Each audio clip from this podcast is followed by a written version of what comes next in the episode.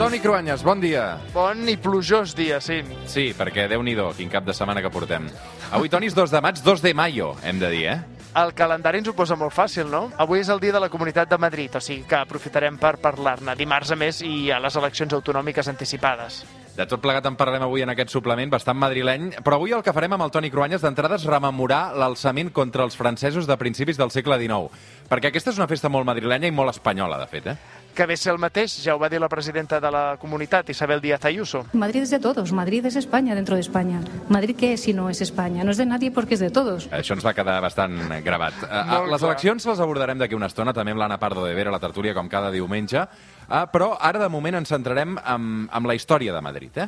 Madrid és una realitat política, econòmica, cultural, que ens pesa molt a tots, també els catalans i catalanes. O sigui que avui explicarem la raó d'aquest pes.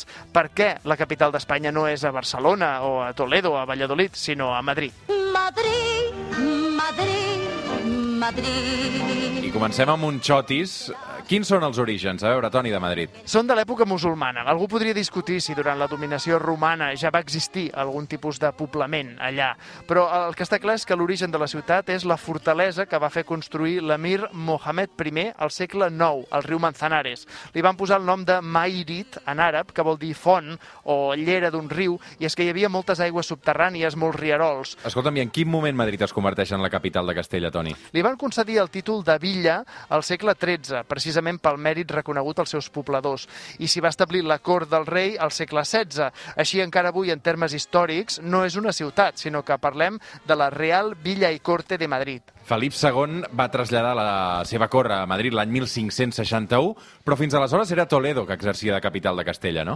Toledo era sobretot la seu episcopal més important i l'Església Catòlica havia tingut una influència enorme a Castella. Així que el poder polític i religiós sumats a Toledo feien que fos indiscutiblement la capital. Però, a diferència de la seva àvia Isabel o del seu pare Carles, emperador de mitja Europa que no parava mai per Toledo, Felip II sí que va exercir i va viure com a rei a Toledo. I perquè hi vivia dia es va sentir asfixiat per la influència continuada de l'Església Catòlica.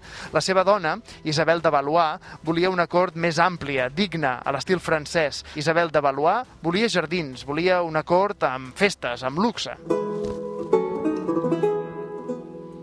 Van triar Madrid com a capital perquè oferia un espai més obert que, que no pas Toledo i també perquè tenia un clima una mica més suau, suposo. Com que hi havia poc construït, perquè tot just hi havia uns 30.000 habitants al Madrid de l'època, això va permetre dissenyar urbanísticament una ciutat nova.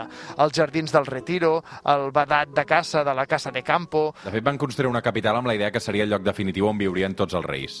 Sí, perquè fins aleshores la capital havia estat itinerant. On era el rei hi havia el poder i la cort. Ara això ja es fixarà a Madrid i no va trigar gaire a convertir-se en un imant de talents. Arriben a la nova capital pretendents, aventurers, aspirants a càrrecs. És una explosió cultural excepcional. Una mañana fría llegó Carlos III con aire insigne se quitó el sombrero un altre clàssic, aquest és Víctor Manuel, amb Anna Belén cantant sobre la Puerta d'Alcalà, eh, tot molt madrileny, Toni i Carlos III. D'ell diuen que va ser el millor alcalde de Madrid perquè va posar les bases de l'urbanisme de la capital espanyola, des del sistema de clavegaram fins als grans museus, els passejos. De fet, va expropiar terreny, sobretot a l'església, per poder fer les grans avingudes i per donar seguretat ciutadana va obligar que la gent deixés de portar capes llargues i barrets que ocultessin la cara. Això va provocar, el 1766, l'anomenat motín d'Esquilache. Els tradicionalistes, els nobles al clergat, van instigar una revolta que va acabar amb el mateix rei havent de capitular en algunes de les seves ambicions reformadores. Yo cada 2 de mayo como además de ser la de siempre es medio francesa yo cada 2 de mayo Anem avançant. Aquest és Javier Crae i ara marxem fins al segle XIX. El 1808 els francesos van afusellar més de 1.000 madrilenys. És el famós 2 de mayo, que va quedar immortalitzat en el quadre de Goya, uns fets que van desembocar en el que a Espanya en diuen la Guerra de la Independència i a Catalunya la Guerra del Francès.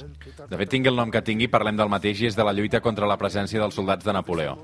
Nosaltres tenim la llegenda del timbaler del Bruc. Ells, un mite propi, també, que és el de la resistència de la població de Madrid. És el que celebren avui. Madrid no viurà posteriorment la revolució industrial, com sí que passa a la majoria de capitals europees, i a Barcelona en particular, però sí que es posicionarà en molts moments històrics en el bàndol dels revolucionaris o les esquerres, per exemple, durant la Segona República o la Guerra Civil i els primers anys de la transició, també, els anys 80 del segle XX. I ara sembla just al revés, no? És que des de finals dels 90, amb l'arribada de José María Aznar al govern espanyol, Madrid es converteix en un feu del Partit Popular, amb un projecte gens amagat de convertir Madrid no només en la capital política d'Espanya, sinó també econòmica, amb l'IBEX 35, la concentració bancària, el Gran Madrid, gairebé com a reacció al trem industrial de Catalunya o a coses més simbòliques, com els Jocs Olímpics de Barcelona del 1992 i que Madrid encara no han tingut.